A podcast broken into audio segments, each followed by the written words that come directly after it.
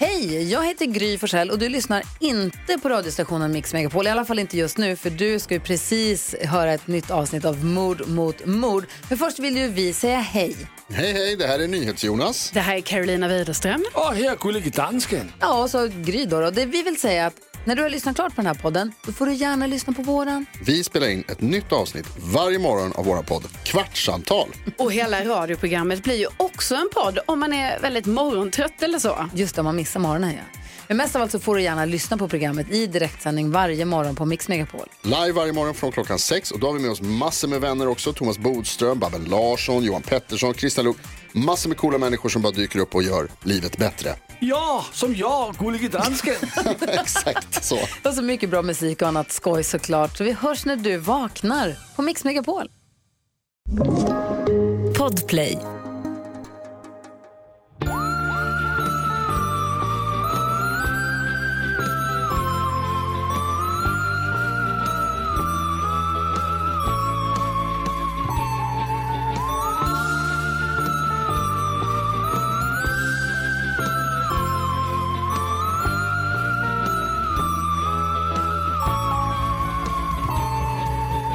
Hallå där! Köp blåbär. Hallå där Happy en gång New till. Year. Köp lingon. Sill. Sill. Snart är det ett nytt år. Nej, men det är så snart. Fan, vi är så bra på de här tematiska ingångarna. Ja, det, är, det är vår starkaste sida. Det är verkligen det. Nu är det den 30 december, December. när det här släpps. Och... Eh, Vad gör du just nu?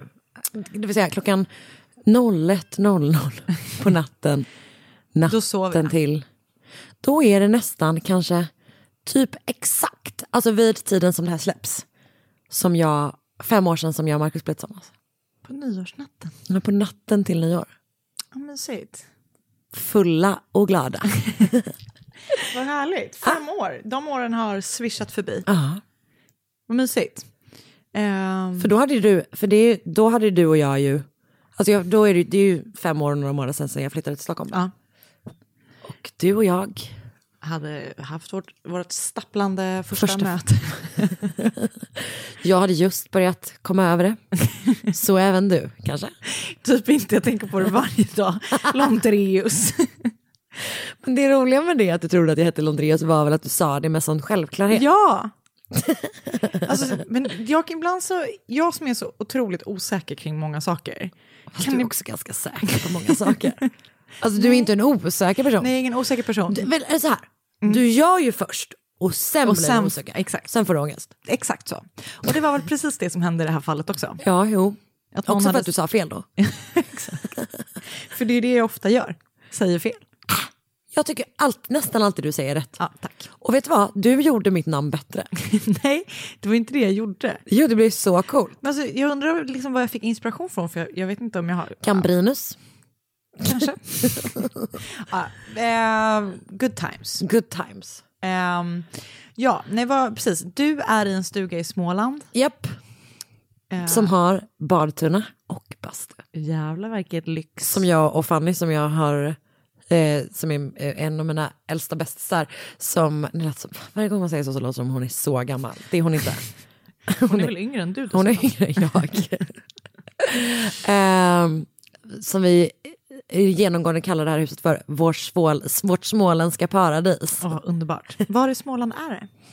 Jag kommer inte ihåg. Nej, I, Paradiset. I Smålands djupa skogar. Men det är kul för när jag kollade runt då, jag var ganska inne på att vara i Småland för att jag och Marcus åkte igenom Småland i eh, somras och tyckte det var himla toppen. Och eh, det är väl kul för att alla stugor utgår från typ hur långt det är till Astrid Lindgrens värld. Alltså det är liksom så man mäter avstånd. Mysigt! Så det här var kanske så sex mil från Astrid Lindgrens värld. Alltså, det är det enda jag vet om vart det låg. Men jag och min syster vi brukar alltid skoja med varandra. En sockerdricka till tack. För man kan känna igen sig så himla mycket i den känslan av att man bara klunkar i sig läsk och så vill man ha en till. En god till. En sockerdricka till. Så fort någonting är gott så brukar jag säga så. Och Oscar har snappat upp och eh, uppskattar det skämtet också. Bra. Det, är gläder kärlek. mig. Det är verkligen kärlek. Men det låter väldigt mysigt. Vad gör du? Jag är, eh, om allt blir som det ska, ska. Eh, hos några goda vänner på deras landställe i eh, Sörmland. Fina Sörmland. Det är, ett, det är ett underbart vackert ställe som de eh, kallar, det är faktiskt Kalles föräldrars ställe som vi då får låna. Det är väldigt, väldigt mysigt. Härligt. En gammal prästgård, otroligt fint. Kommer du ha några nyårslöften? Nej, jag har gett upp det där för länge sedan. Vad är det ditt, ditt dummaste nyårslöfte du någonsin haft? Säkert typ Känns som här, att du har haft så många dumma. ja, men det har väl säkert varit så typ, gå ner i vikt. Ja, det var dumt. Ja. Det är nog det dummaste. Jag hade Men- under väldigt många år att jag bara, alltså var så här, nästa år så ska jag ha roligare än vad jag hade i år. Ja men det kan vara mitt nyårslöfte. Fast det, ja jag vet, fast det borde ju vara hela världens Det borde vara hela nyårslöfte. världens. Men eh, mitt bästa nyårslöfte, som jag typ aldrig höll i och för sig, var att sluta röka. Men det gjorde jag ju Ja, ändå. det gjorde du ju. Till slut. Mm. Vad, eh, vilken är den bästa nyåren, nej förlåt jag ångrar mig. Vilken är den sämsta nyåren du någonsin har firat? Åh, gud. Jag gillar ju inte, vi pratade ju förra veckan om att jag inte gillar jul. Du gillar inte heller nyår? Jag gillar Vad gillar du för högtider? midsommar. Tycker jag är jättemysigt. Okej, Min födelsedag. aha, det, där kom det. Men midsommar, jag, vet inte, jag tycker alltid, jag, så här, eller så här känner jag. Jag gillar kanske nyår mer nu när jag inte känner att det finns någon press kring det. Ja. För att det som jag alltid tyckt var jobbigt var att det alltid fanns så mycket press kring att man skulle ha så feta nyårsplaner. Ja. Och typ, det känns alltid, det här kommer låta så jävla deppigt nu, men det känns alltid som att alla mina kompisar alltid var så här, vad ska vi göra på nyår? Och sen så är det någon i typ så här sista sekund som trollar. Det har alltid blivit bra, liksom. vi har alltid haft kul, men det är alltid någon som bara till slut bara, okej, men jag kan ha fest hemma hos mig. Ja. Eh, och flera år har det varit jag. Ehm, Har du haft sådana stora fester liksom? nej, kanske så 15-16 personer. Lagom. Ja, jag, precis. Det tycker jag är väldigt lagom. Ehm, så jag kan inte minnas något sämsta. Det är ändå konstigt. Alltså, in, jag kan inte heller göra det. Det är inte det. Jag menar bara att du alltid brukar ha olika sådana bra festhistorier. Ja, men eh, låt mig tänka. Nej, men just, just kring nyår har det varit ganska mycket odramatiskt faktiskt. Ja, skönt. Skönt. Mm. Du då?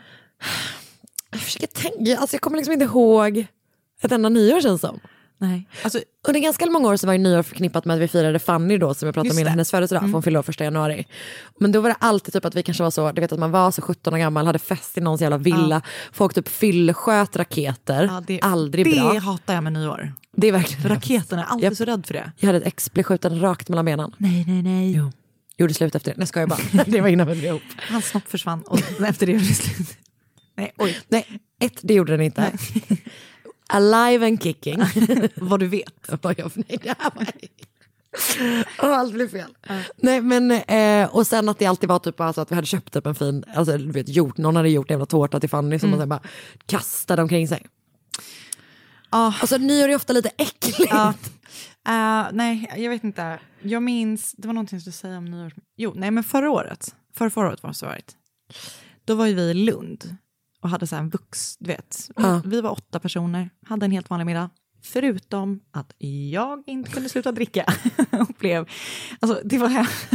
Vänta, så alla var vuxna men du var på typ en fjortisfest i ditt huvud. Exakt så! Alltså, vi, har typ så här, ja, vi kanske var några fler, vi kanske var typ tolv. För att det var några, eh, Oscars bästa kompis, eh, flickväns kompisar var med. Och de... Eh, Nej Anna det är inte var, bra. typ från, de, de bodde i Bryssel, de pratade engelska. Åh nej, de bodde i. Bryssel, Ja, det är det de värsta jag har hört. Ja, de kände sig jätte... Alltså- och de kändes jättevuxna och så här världsvana. Ah, och jag blev och bara- som en full viking. Alltså vet jag, en minnesbild. Du gick ut och letade upp den där, eh, du vet, den där kundvagnen som du hade när du bodde i Lund. Vi åker! Och jag har alltså en stark så här, minnesbild av att jag så står i Oscars föräldrars bibliotek och alltså dansar för mig själv. Typ så här. När alla sitter och typ dricker kaffe. Med avec. Ja, det är så jävla ångest. Och att jag skulle då prata med mannen i den här Brysselparet. Jag skulle berätta någon historia för honom och gång på gång Kom inte på, på. gång tappade Orden. tråden. Men vet du vad, det tänker jag typ är mitt nyårslöfte för nästa år. Alltså att jag ska aldrig fylledansa framför en enda person från Bryssel. Det kan jag verkligen joina är det dig med. Ja. Är det vårat? Det är vårat. Okej. Ska Nog, vi? nog om mig. Aldrig! Karin, tack för att du står ut med mig. Men gud, det är ett nöje. Men det är, det är fucking Bryssel alltså. Vad ska man göra? Bruges. Finns det inte någon stad nära Bryssel som uttalas typ så? Som stavas brygge? Bruges. Bruges. Jag tänkte också igår på när jag såg på På spåret att goda heter Gouda på holländska. Alltså när man, gud, fan, störig, störig killepersonlighet. Ja. Gå in, hej jag ska vi köpa två hektar Gouda. Gouda. Vad sa du? Ja, den här goda. Gouda. Gouda. Gouda. Det är så jag bäddar upp för att du ska få inleda ditt fall. Varsågod. Ett poddtips från Podplay. I fallen jag aldrig glömmer djupdyker Hasse Aro i arbetet bakom några av Sveriges mest uppseendeväckande brottsutredningar.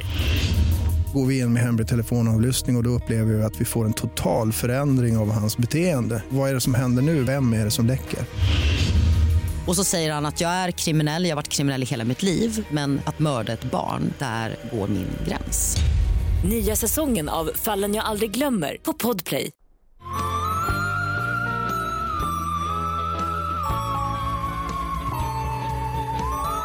Okej. Nu börjar jag. Stark ingång. Nej, men jag hade ju någon slags tanke då som jag var inne på, du kan hålla koll på den. Ja. Eh, som jag var inne på förra veckan, att eh, nyår är en sån tid när man testar något nytt. Ja. Byter liv. Sen så gjorde du ju ett fall som mycket mer handlade om att byta liv än vad jag, mitt kommer göra. Så det, den, den planen sket ju sig lite grann. Eh, men eh, jag tänker att jag ska, jag ska prata om två personer som i alla fall verkligen var bra på att eh, börja om från början. Yes. Till polisens stora förtret. Jag ska berätta om Jean-Claude Lacot och Hilde van Anker. Som under lång tid fanns med på listan över Europas mest eftersökta brottslingar. Och fick smeknamnet The Devil's Couple. Kul. Starkt. Starkt smeknamn alltså. Verkligen. Eh, Okej, så den 23 maj 1966 så leker ett gäng skolbarn på sanddynerna i De Haan. Eller De Haan. Det är en liten kuststad i eh, norra Belgien. Inte i Bruges. Inte i Bruges. Fast typ att det kan vara ganska nära Bruges tror jag. Jag vet inte om det uttalas så. Nej, men nu gör det det. Ja. I den här podden så har vi som eh, policy Att man väljer själv. Att man väljer själv och det uttalas brush. Ehm, Okej. Några skolbarn leker på de här sanderna i den här ehm, kuststan när de gör en fruktansvärd upptäckt. För dold bland lite så buskage eller liksom lite sånt eh, högt gräs eh, så hittar de en manskropp. Han har blivit skjuten två gånger. En gång i liksom Eh, en av gångerna är i, huv- eh, i, är i ögat typ. Och jag tror att den andra är bakom, alltså på bak, eh, bakhuvudet. Han har skjutits på nära håll. Eh, och åtminstone det här bakhuvudet, eh, skottet har tagit när han liksom har stått på knä typ. Nej. Och polisen kommer att identifiera den här mannen som Marcus John Mitchell. Och han är 44 år gammal, gift och har tre barn, varav åtminstone två är liksom stora och går på universitetet. Han bor med sin fru i London men reser en hel del i, så här, i sitt jobb och sen så gör han typ en del affärer och sådär. Och det gör också, lite, gör också att han reser lite. Han är pilot. Men han är också, alltså så här, han verkar vara typ lite mer så privatpilot. Alltså det är inte det att han kör, är pilot på heltid liksom. Han har licens. Ja, exakt. Och han driver också ett företag som producerar hörlurar som säljs på flygplan. Aha. Det här är 90-tal. Alltså jag tänker typ att det var lite mer än, Gud, det var verkligen En grej en då. grej. Det är nog en grej fortfarande i och för sig. ja, jo det är det nog, fast ändå i mindre utsträckning kanske. Men man Fast behöver borde ju... komma tillbaka, fast det kanske inte är så att man lyssnar så mycket på hörlurar. Fast på så fort du ska kolla på filmen så måste du ha såna här. Just det, och nu tänker jag att eh, det borde komma tillbaka igen eftersom folk numera har, ganska ofta har typ iPhone-lurar som inte funkar i Men det, ingångarna. det, är all... det är väl alltid speciellt uttag? Nej, det är väl vanligt sånt. Nej, det är sånt treuttag. Han verkar i alla fall jobba med sådana. Han är också en person Det som... som var på 90-talet var att man hade så sjukt dålig passform för det alltid var här, du vet, hårda som alltid satt lite av örat så här. Det är verkligen, verkligen sant. Men det ska vi inte beskylla honom Nej. för nu. Han letar också liksom efter så lite investeringsmöjligheter. För det här ehm, bolaget har det varit liksom, det har varit lite, jag vet inte om det är bolaget som går knackigt eller om det är de verksamheter som han har investerat pengar ifrån bolaget som Okej. har gått knackigt. Typ. Men de har det lite, lite tufft eh, ekonomiskt just nu. Liksom. Men han får då en toppenmöjlighet eh, som ska ge honom en lösning på sina egna och sin familjs liksom, ekonomiska familj. Nej, problem. Förlåt. Eh, för när polisen intervjuar hans stackars, stackars änka så berättar hon att Marcus har varit i Belgien för att hantera liksom, en väldigt stor affär.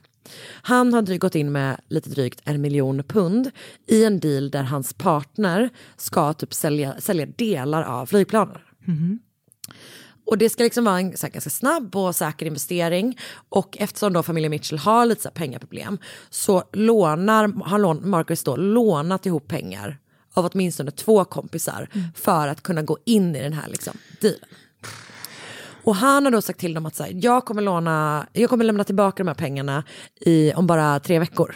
Så det är en väldigt kort liksom, låneperiod. Och han är en så här, superpålitlig, väldigt omtyckt och väldigt så här, trygg person.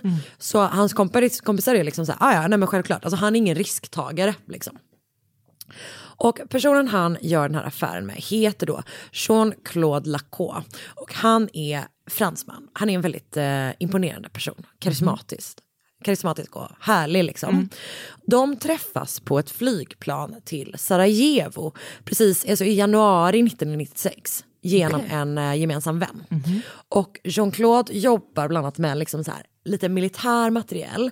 Han har eh, ägnat sig åt lite så här, att typ sälja GPS-system och sånt som ändå som, eh, som liksom, det är något system som inte kanske typ eh, amerikanerna typ har Eh, koll okej, på att ja. den finns där. Alltså du vet det är lite så här underrättelsetjänst-stämning på honom. Liksom.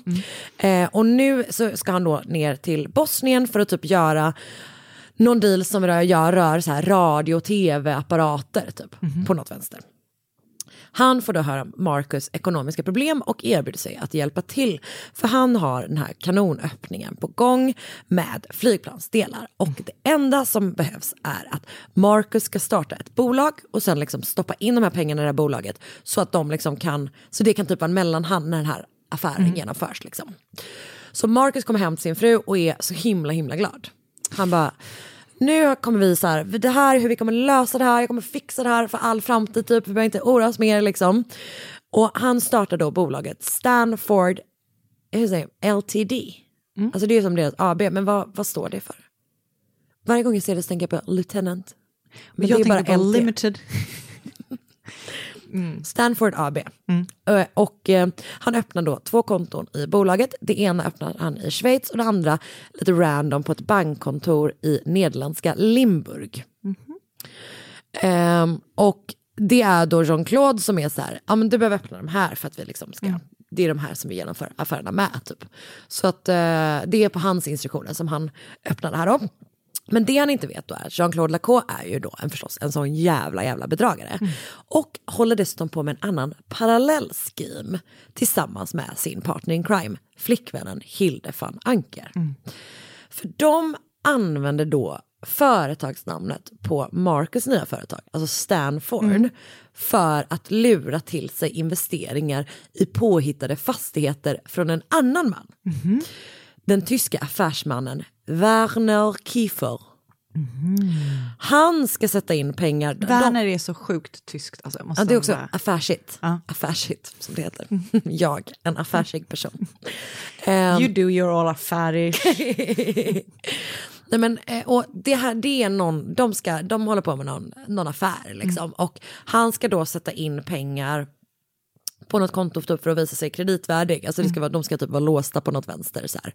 Eh, medan den här affären genomförs. Så han stoppar in en massa pengar på ett konto. Sen träffas han och Hilde von, eh, van Anker, eller Hilde Stanford som han tror att hon heter. Den 7 maj i närheten av Schiphol-flygplatsen där utanför Amsterdam. Och signerar avtalet Väldigt bra flygplats. Toppen, toppen. Ehm, där, där signerar de det här avtalet och sen så äter de middag tillsammans. Middagen är super, super trevlig. De kommer otroligt fint överens. Så när Hilde frågar Werner om han kan tänka sig att ta med två kuvert och lämna av dem hos en kompis till henne i Namur, jag vet inte om det uttalas så, i Belgien. Du kan fråga mig annars om Hur skulle det vara? Jag vet inte. Jag skulle uttala så som du gjorde. Nomr. Namur. Namur. jag, tänker att, jag tänker i mitt huvud uttalas det som lemur. Liksom. Namur. Namur. Ja. Bra, jag håller med. Tack. Ja. Ehm, nej, men han, han ska köra bil. Han ska köra bil från Amsterdam till, eh, till, Ja, eh, till Tyskland. Namur. Nej, Nej, till Tyskland. Och på vägen då så, så säger han så här, skulle du kunna tänka dig att lämna av de här två kuverten till min, till min kompis i Namur? Och Werner bara så här, japp, absolut. Vi kommer ju väldigt bra överens, vi har den här affären going med varandra typ. Eh, så eh, han ska ändå köra hem, absolut, ta med mig dem. Ta med mig dem, säger han. blir radioteater av alltihop. Men för Werner Kiefer kommer resan hem att ta längre tid än vad han tänkt. För strax utanför, yes you guessed it, Namur, stoppas han av polisen. För, och de säger att Vad är det i kuvertet? de har fått ett tips om att han smugglar droger. Nej. Och mycket riktigt, när de öppnar kuverten så hittar de hasch i det ena och gräs i det andra. Jag trodde verkligen att det skulle vara någon annan typ av drog. Ja, jag vet, Men vad okej. oväntat, eller hur? Men jag tänker att de kanske bara köpte det de fick tag på i Amsterdam. Typ att de bara okej, vi tar det här. Ja. Um, Werner grips då av polisen och kommer sitta häktad under eh, flera dagar medan han liksom så försöker övertala dem att, att han faktiskt inte har begått det här. Det är Alltså man vill ju grej. säga så här, ta aldrig någonting. Alltså, Knarka inte, nej, det med. Verkligen det med. Men ta aldrig någonting. jag menar så här, ta, frakta Men inte nej, saker det är klart du inte ska göra. Men man hade ju själv, hade, alltså hade någon typ Alltså, de, som, har, de har ändå gjort en stor affär, han tror att det här är Exakt. liksom en supertyp. Tänk Ja, om en kund till dig hade sagt så här, du kan du ta med de här två kuverten från Älmhult till Stockholm? jag kanske ändå hade öppnat lite. Hade du det? Jag hade nog inte gjort det.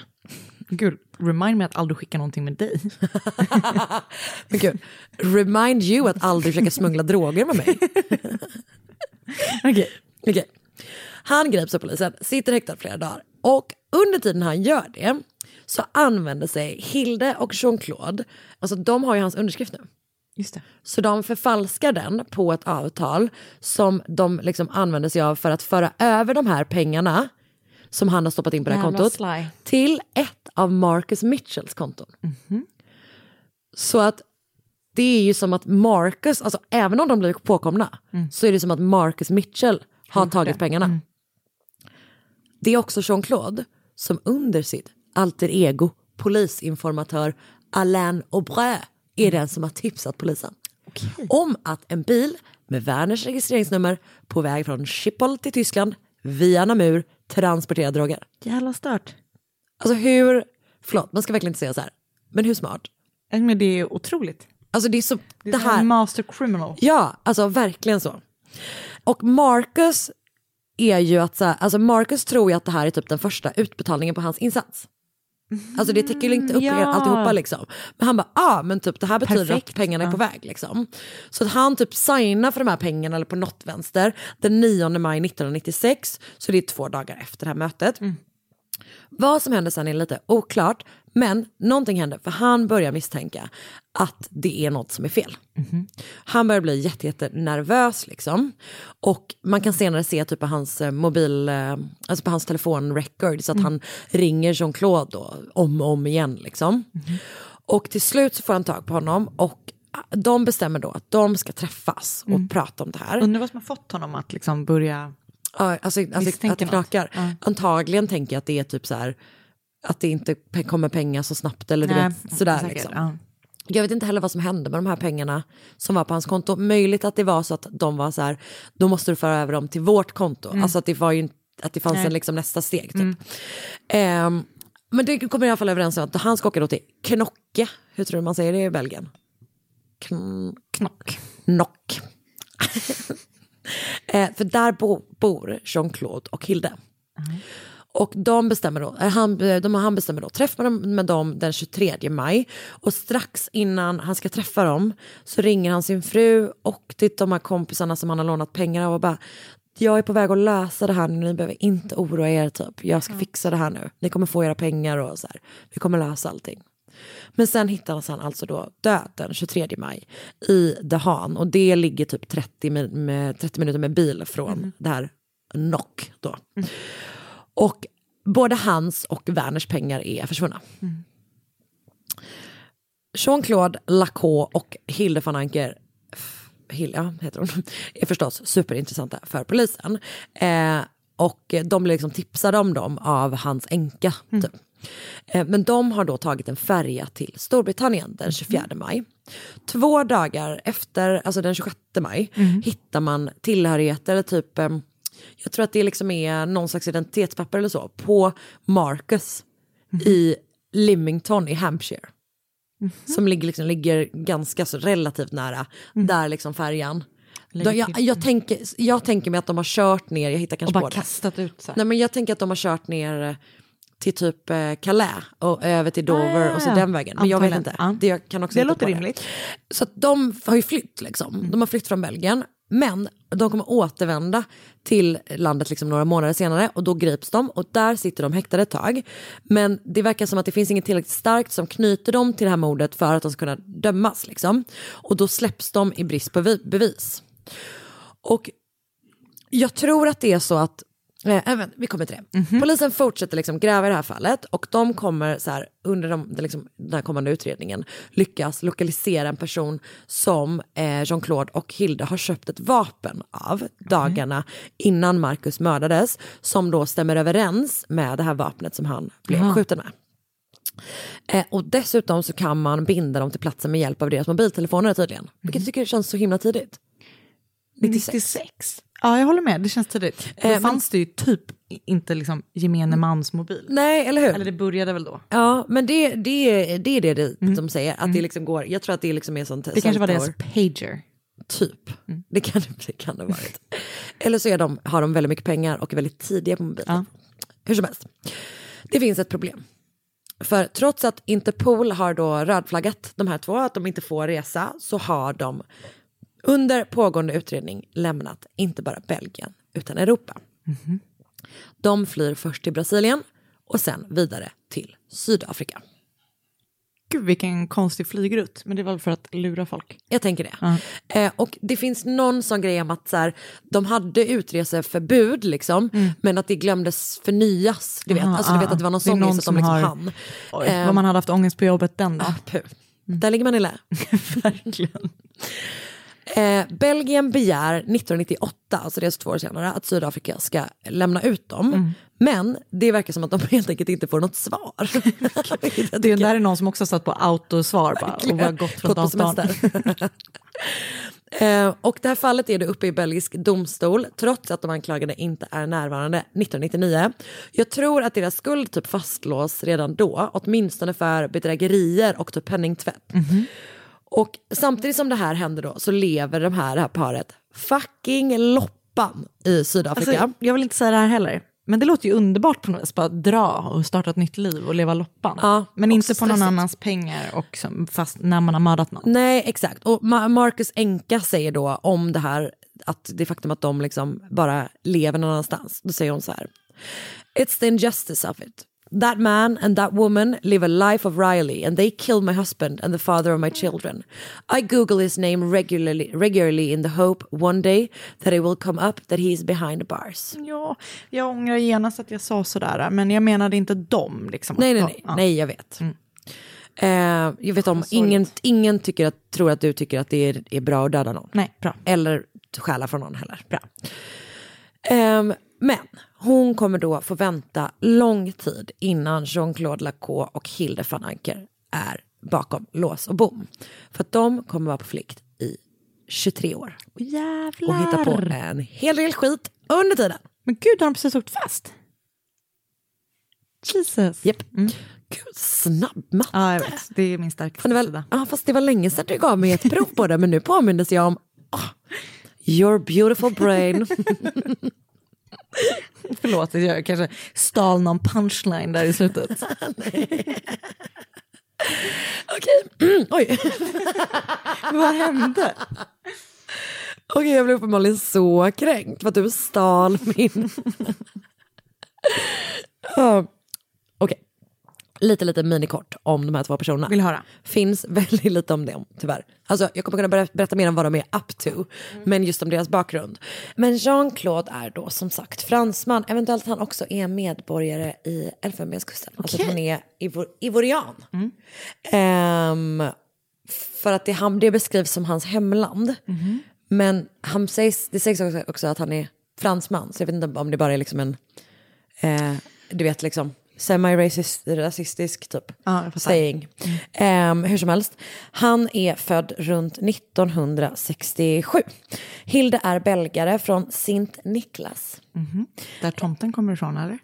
Jag antar det. Saint Nicolas. Eh, hon är född någon gång 63. Jag vet inte hur de träffas, men de är i alla fall superkära, gränslösa och up to no good. Uh-oh. The worst combo. Ja, under tiden i Sydafrika så gifter de sig och får också en dotter. Andra saker som de håller på med.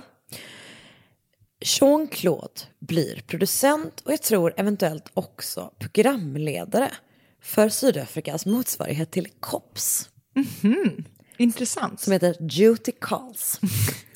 Programmet går under tre år, mellan 2000 och 2003 och beskrivs helt enkelt så här. Our cameras go on location with the South African Police Service and capture crime as it's taking place. Det finns liksom en så stark pressbild på honom från det här programmet typ, när han står så framför en polisbil Fan, i liksom en nice. skottsäker, skottsäker väst. Typ. Cool. Det är typ Eh. min dröm att leda ett sånt program. Ja, eh, typ inte mitt. Nej. Men, men kul för dig. Det finns en tjänst ledig här. Ja, perfekt. I'm moving. Men det är så intressant, alltså nästan direkt då. 96 har de begått mordet och sen så tar det lite tid liksom så här. Eh, de döms i Belgien sagt 99. Och så det- bara året efter. Producent. Det är så himla De har uppenbarligen inget utlämnings... Nej men som sagt, de har ju inte ens svarat på när de ringer. Just det, det var så det var. Eh, Nej men det är bara, ja, skitsamma. Det går i alla fall riktigt, riktigt bra för det här paret Lacaux van Anker. Pengarna rullar in från tv-jobben men också då förstås från de bedrägerier som de fortsätter ägna sig åt. De bor med sin dotter i typ ett mansion i Johannesburg. Äger Ferraris. Umgås med Då politiker. Högt uppsatta näringslivspersoner och typ även så här poliser. Så de är liksom well connected, lever ett riktigt fancy liv i en mansion. Liksom. Men 2003 så ger de sig på en person med lite för mycket pengar och kontakter. Dublin-baserade affärsmannen Noel Hanley. Han verkar framförallt göra så här, han är in shipping. Alltså jobbar typ med trans- transport och logistik. och Skeppsmäkleri. Skeppsmäkleri. Säger man så? Skeppsmäkleri. Det låter som att man säljer skepp. Men man, man säljer ju typ platser på skepp och skepp och sådana saker. Bra, kul. Look at you Reidar Dahlén. Verkligen. Ehm, han- håller på med sånt och typ verkar jobba lite grann med, med typ transportlogistik i typ allmänhet. Och han blir också då lurad med hjälp av flygplansaffärer. Som jag har förstått det så vill Noel Hanley leasa flygplan till ett bolag i Sydafrika. Ett flygbolag liksom. Och får då kontakt med en man som heter Roger Wilcox. Coolt namn. På vissa ställen så beskrivs det som att, han, eh, att de skulle starta ett flygbolag tillsammans. Så det kan vara så också. Det beskrivs lite olika. Hur som helst, Roger Wilcox är Sydafrika-baserad och jobbar, jobbar bland annat med liksom så här affärsrådgivning och typ investeringsrådgivning i, eh, för folk som vill liksom göra affärer i Sydafrika. Och han hjälper den här Noel Hanley att få igång sin flygplansbusiness. Du vet, det är någon sån jävla grej. Sätt in en miljon pund där, så. Pup, pup, pup, pup. Don't do it. Don't do it, för att Roger Wilcox är förstås Jean-Claude och pengarna försvinner. Noel Hanley jobbar i tre år på att dra, få liksom Jean-Claude inför rätta. Han har privatdetektiver igång. Yes. De lokaliserar Jean-Claude och Hilde. Vilket också man bara, ja om de hittar dem så kan man ju tycka att... Alltså verkligen. Fast i och för sig det är väl en skillnad där att det är så här, det är, typ belgisk polis kan ju inte gå in, alltså även om de lokaliserar dem. Nej, så får de inte gå in och plocka bara. Nej, exakt. Utan det krävs väl ändå liksom ett utlämningstillstånd. Hur som helst. Till slut lyckas han då, den här Noel Hanley, få myndigheterna i Sydafrika att agera. Och Jean-Claude och en av hans medhjälpare grips och sitter häktade 2007. Så de liksom väntar på, på rättegång helt enkelt i något så här fängelse i Johannesburg. Men Hilde tänker inte då acceptera att hennes man sitter inne. Nej, det skulle inte jag heller göra. Så hon och några kompisar klär ut sig till poliser. så går de in och säger de så här, de bara, eh, nej, men vi har förstått att typ så här, um, den här Jean-Claude, han sitter häktad här och vi behöver prata med honom om ett annat fall. vi har med oss de här dokumenten typ. Det här är det som säger att vi Fan ska... vad kyligt. Ja, så de går bara, alltså bara rakt in och hämtar honom. Fan vad sjukt. Och det dröjer en vecka innan man upptäcker att han är försvunnen. Nej. Alltså, är alla poliser i Johannesburg på semester? Eller så är de i olika mansions och hänger med. Eller det. Eller kollar på den nya säsongen av Duty Calls. Em, så att han eh, rymmer då liksom. Men vad sjukt. Ehm, och när liksom de väl då upptäcker att han, eh, de är borta så har de återigen rymt till Brasilien. Och därifrån åker de till Elfenbenskusten, där de bosätter sig. De döms flera gånger i sin frånvaro för lite så olika brott i Europa, bland annat bedrägerier, men också för typ dödshot. Men inte för mordet eller? De har bland annat tre domar, de har bland annat domar mot sig i Frankrike, Belgien och Storbritannien. Det finns bevis på att de har lurat och stulit från affärsmän i Schweiz och Kanada, bland annat, men där finns det inga domar. 2011 döms de till livstids fängelse i sin frånvaro på mordet, för mordet på Marcus Mitchell. 2013 lyckas polisen koppla ihop paret till en eh, auktion typ, där de bland annat säljer då sin mansion, men också eh, lite Ferraris. Du vet Okej. ju, kommer du ihåg att de gillar Ferraris? Jag kommer ihåg. Eh, nu säljer de av dem lite grann. 2016 så placeras båda, på, båda två på Europols Most Wanted List. Och som jag förstått det så... Men var de inte på den innan? Nej, då har ju Interpol har ju sagt så här, de ska inte få resa. Ja, just det. Eh, men nu är de på Most Wanted List. Och som jag förstått det så är Hilde van Anker den enda kvinnan på den här listan vid den här tiden. Coolt. Anna, du är så, Fan. alltså, du är så brottstillvänd just nu. Jag vet. Snap out of it, Anna. Snap out of it. Vilket brott hade du helst velat begå? Ja, men alltså... En riktigt, riktigt lyckad eh, typ bankstöt Ja. Tycker jag är ganska coolt faktiskt. Jag kan också fucka med en konstkupp. Absolut. Men det är väl att all, man gillar väl allting det här som är, delvis då förstås uppenbarligen att det är eh, o, f- alltså inget våld. Nej, nej precis. Icke, Oh, jag vet. Eh, The Trom- Thomas Crown Chronicles. Kommer du ihåg den filmen med nej, Pierce. Brosnan? Pierce, fina Pierce Brosnan. Love him. Han är alltså the ultimate konsttjuv. Och så är det en kvinnlig polis som, Som jagar. ska försöka sätta fast honom. Jag ska inte säga mer än så, men det blir hett. Gud, man vet verkligen att, man, att du har blivit morsan nu när du älskar Pierce Jag Brosnan. har alltid älskat honom. Alltså sen jag var liten, det sen är han var... det morsigaste som finns. Vem är din favorit i Backstreet Boys? Låt mig gissa, Kevin. Kevin, det var, Jokes, jokes, jokes. det var verkligen det också. Det är så sorgligt. Nej, vänta, Kevin. Nej, vilken- det var det inte. Men vad hette han som var, såg så här gammal ut? Jo, det var Kevin. På riktigt? Ja. Men gud, han såg ut som han var 40 Jag vet. och du var 12. Men Karin, en av mina första största kärlekar var ju Morgan Alling. Men han var inte så gammal då. Jag Ja, han var för gammal för hade dig. crush på eh, Tom Cruise när jag var typ 10. Du gillar verkligen, alltså inte en gammal man, men en för gammal. men alltså att du gillade Kevin är typ det sjukaste någonsin. hört. Det är bara morsor som gör det. Är det det? Alltså nu kommer någon lyssna, jag gillade Kevin, ja jag vet, I get it. Men typ, alltså så här, ja, han fanns ändå där för att, för att även the moms skulle ha Okej. någonting. Ja, men jag har haft mogen smak sen födseln. Själv gillade man ju... eh, AJ. Gud, tror du att jag gillar sådana bad boys? Typ, eller vadå, Brian? Brian. Åh nej. Brian med hjärtfelet, han hade rakt av ett hål i sitt hjärta. Känns som vi har pratat om det här innan. Jag tyckte han såg så Let me mesig ut. it Brian, let me fill that hole. Jag tyckte han såg så mesig ut. Ja, alltså han är ju inte supersnygg. Nej, inte som Kevin. Ah.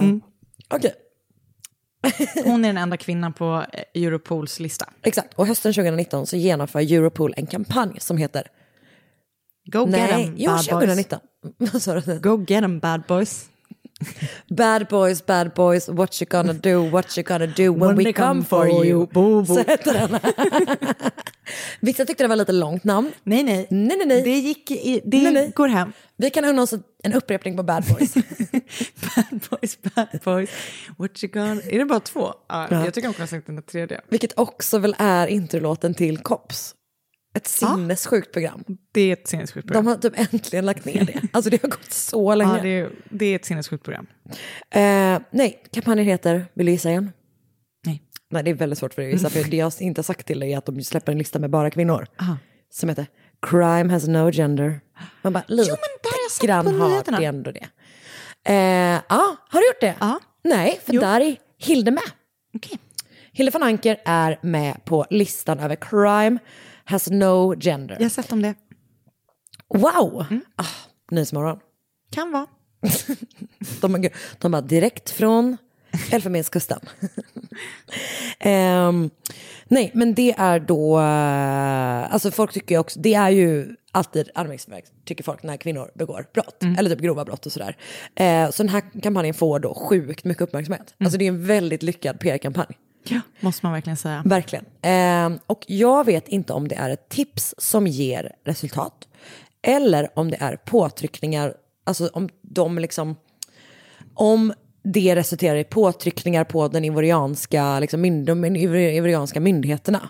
Men hur som helst, bara någon månad efter att Crime has no gender-kampanjen lanseras så grips båda två 2019 i november i Abidjan som är Elfenbenskustens ekonomiska huvudstad. De ska äntligen lämnas ut till Belgien. Hilde och Jean-Claude har skilt sig vid det här laget. De har bara kontakt när det rör deras dotter, som jag tror typ är 12 nu. Eh, Hilde har bröstcancer. Läste någonstans att det var till följd av en bröstförstoring som hon hade genomfört i USA. Är det en grej? Nej, jag tror typ Det inte känns typ inte som Nej, det. jag tror inte det. Nej, jag vet. Jag håller helt med. Eh, det kan Det är ha- som att jag läst, hörde någon gång när jag var liten att, man kan, att det var någon som hade fått en surfbräda i ryggen och fått cancer av det. det är faktiskt exakt så. Det men jag, alltså, jag vet inte, jag tror inte Vad det var det, för, så. vad var det för sorts cancer? Ryggcancer? Ryggcancer? Ryggmärgscancer? Jag vet inte. Fråga. Var du sen rädd för surfbrädor? Ja. Ja. Rakt av. Utveckla den fobi. um, nej, nej, jag, tycker också, och det ska också vara helt ärlig, det har Google translatats friskt. De kanske hittade cancern... Nej, Nej, jag tror typ inte heller. Nej. Hur som helst, hon har då bröstcancer Mm. och är tydligen på grund av det ganska öppen för att så här, frivilligt åka till Belgien för att få vård där. Mm.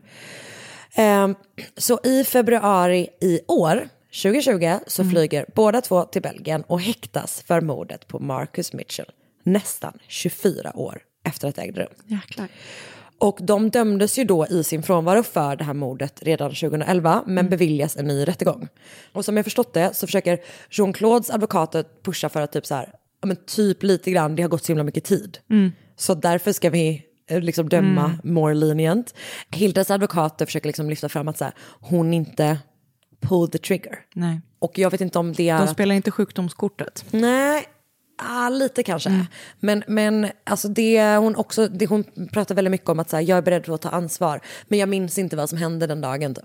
Nej, okej. Ehm, så att det liksom är, det, men hon verkar inte vara den som har skjutit. Men jag menar hon har ju uppenbarligen varit superdelaktig i jättemånga det, olika det saker. räcker liksom. inte på något vis. Nej, ehm, så att hon, ja men så, exakt, hon har då sagt att hon så här, inte riktigt minns vad som hände liksom.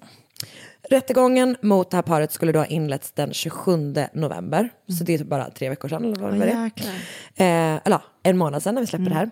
Men den är uppskjuten, PGA, corona. Ja, såklart. Som det ser ut just nu så kommer rättegången mot Europas mest eftersökta par, Hilde von Anker och Jean-Claude Lacan, antagligen äger rum våren 2021.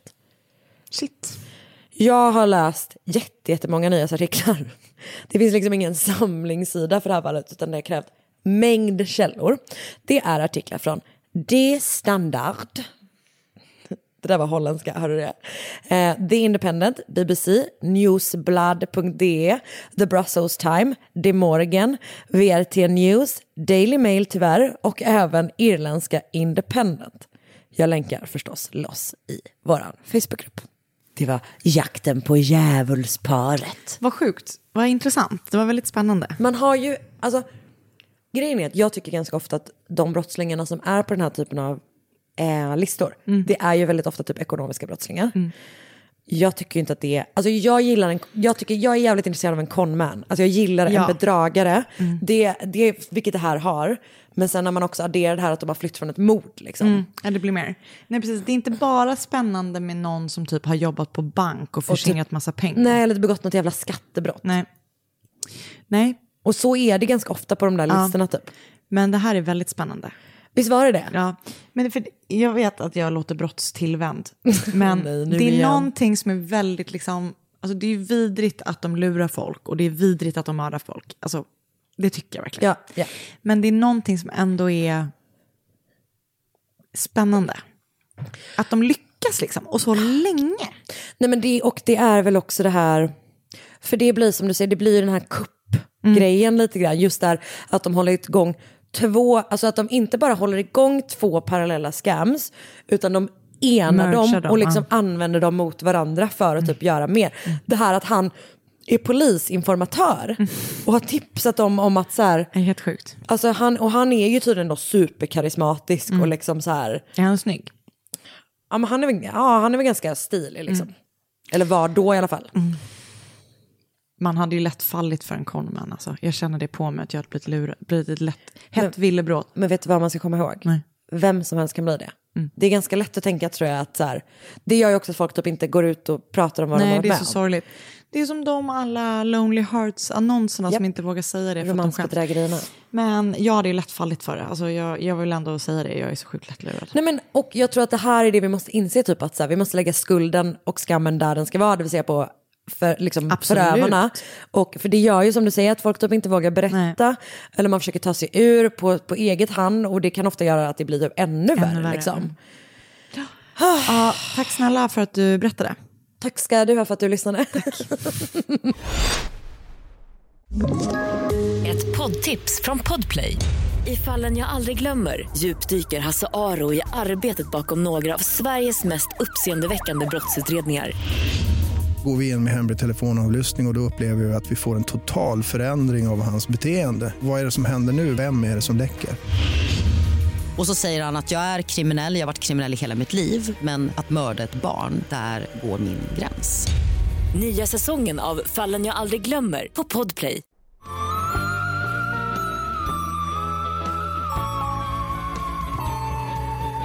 Nu är det ju eh, specialavsnitt även denna vecka. Just det, just det, just det. Så det är ju inte dags för mig att berätta en berättelse. Eller jo, det är det. För det är lyssnarberättelse-dags. Dum, tadadum, Vilken jävla segway. Det är lite min grej. så. ja, ja, det är verkligen sant. Okej. Okej, det här börjar väldigt fint, det här brevet. För det är inte ett brev utan ett mejl, men det, som, det står så här. Hej fina, jag är dökär i er. Nej, men, Det är dock inte det jag vill berätta. Jag har en så sjuk berättelse och jag garanterar att den är sann. Det är dagen innan min 17 födelsedag och min dåvarande äldre pojkvän var ute och festade och vi höll kontakt på sms. Men mot småtimmarna när jag ska sova så hör jag av mig till honom utan att få svar. Försöker gång på gång ringa och smsa honom. Sen får jag ett sms av honom där det står Det har hänt något, jag är på sjukhuset, vi hörs sen. Jag somnar orolig. Gud, alltså jag hade aldrig... Alltså, oh, gud vad svårt jag hade haft att sova. Hon gör, har också det. Hon somnar orolig eh, och vaknar på min födelsedag med en klump i halsen. nej. Hör av mig till min pojkvän och frågar vad som har hänt och han säger bara kolla nyheterna. Jag går in på tidningen och det första som kommer upp är flicka försökte mörda sin lillebror. Och jag brister ut i gråt. Det som har hänt är att min pojkväns lilla syster som var runt 14 till 16 år och hans lillebror som var runt 10 är hemma själva. Lilla systern har ansvar för lillebrorsan och det verkar gå asbra tills de ska börja laga tacos. Lilla systern får då någon slags flipp och tar en stor tung ljusstake, en sån som står på golvet, och svingar mot lillebrorsan. Han ramlar men hon fortsätter att slå honom med den. Sen tar hon kniven och börjar hugga honom. Hon hugger och hugger och han har sår överallt vid händer och försvarsskador tills hon sen lägger en filt över honom. Men då är han inte vid medvetande. Hon börjar fly från huset och från stan. Och det som räddar honom är en grannpojke som upptäcker att lillebrorsan inte dyker upp till sin lekdejt de planerat senare på kvällen. Han ser in i huset och ser lillebrorsan och kontaktar polisen. Polisen blir inblandad och börjar leta efter lillasystern överallt. Och efter ett tag börjar också en jakt med helikoptrar. Alla dessa har jag hört, helt ovetandes om vad som, då, vad som pågick min dåvarande pojkväns familj. Till slut hittar man henne, cirka en och en halv kilometer bort från stan. Lillebrorsan överlever, men bara med nöd och näppe. Han har skärsår i ansiktet och ett jättestort knivs, jättedjupt stort knivsår i halsen. Hon blir placerad i ungdomsfängelse tror jag. Vet inte riktigt vad som hände då min före detta pojkvän vägrade prata om det. Han lät mig aldrig komma in på djupet. Ah, ja, det var min historia. Tack för att ni är mina dagar värda att jobba igenom. Ni är bäst. Det var det sorgligaste. Alltså det är så otroligt sorgligt. Och så... Jag är jätteglad att han överlevde. Men det var så, sorgligt. himla, allting. himla sorgligt alltihopa. Alltså hemskt. uppenbarligen en sjuk flicka liksom. Mm. Och det den här pojken utsatts för. Och sen att också den här killen inte var liksom kapabel att prata om Nej, det. väldigt hemskt. Åh, Usch, det var jättehemskt. det var väldigt hemskt. Tack för att ni har skickat in era berättelser får vi säga. Ja, och det får ni gärna fortsätta göra. Ja. Vi kommer göra lite sådana här avsnitt ibland. Mm. Och då är det mordmotmord.gmail.com. Precis. Vi får väl också tacka för att ni har varit med oss Det här året. hela det här året. Vårt Det här- tredje år. Ja, det är så sjukt. Snart tre, har vi treårsjubileum. Ja, det är så starkt. det ska bli underbart att fira. Det ska verkligen fira stort. Gud, men vänta, nu hittar vi på. Vi kommer, Nej, det kommer vi inte göra. nej. Vi kanske gör något. Kanske något. Vi kommer också, um, om snart kommer lite information tänker jag om Musikhjälpen specialavsnittet och livesändningen. Mm. Vi, vi kommer hålla på det en liten stund till, tänker jag. Någon gång på det nya året. Ja, exakt. För det precis. är imorgon. Ah, gud. Eller övermorgon. Är det det? Övermorgon. Ja. Övermorgon. Ehm, men tack så jättemycket Tack och snälla. hoppas ni har en jättefin nyår och gott nytt år. Och Gott ta hand om er. Och eh, så hörs vi 2021 förhoppningsvis Juhu! ett bättre år. Ja! Ett poddtips från Podplay. I podden Något Kaiko garanterar östgötarna Brutti och jag, Davva, dig en stor dos skratt. Där följer jag pladask för köttätandet igen. Man är lite som en jävla vampyr. Man har fått lite blodsmak och då måste man ha mer. Udda spaningar, fängslande anekdoter och en och annan arg rant. Jag måste ha mitt kaffe på morgonen för annars är jag ingen trevlig människa. Då är du ingen trevlig människa, punkt. Något Kaiko, hör du på Podplay. Därför arkadeinerna.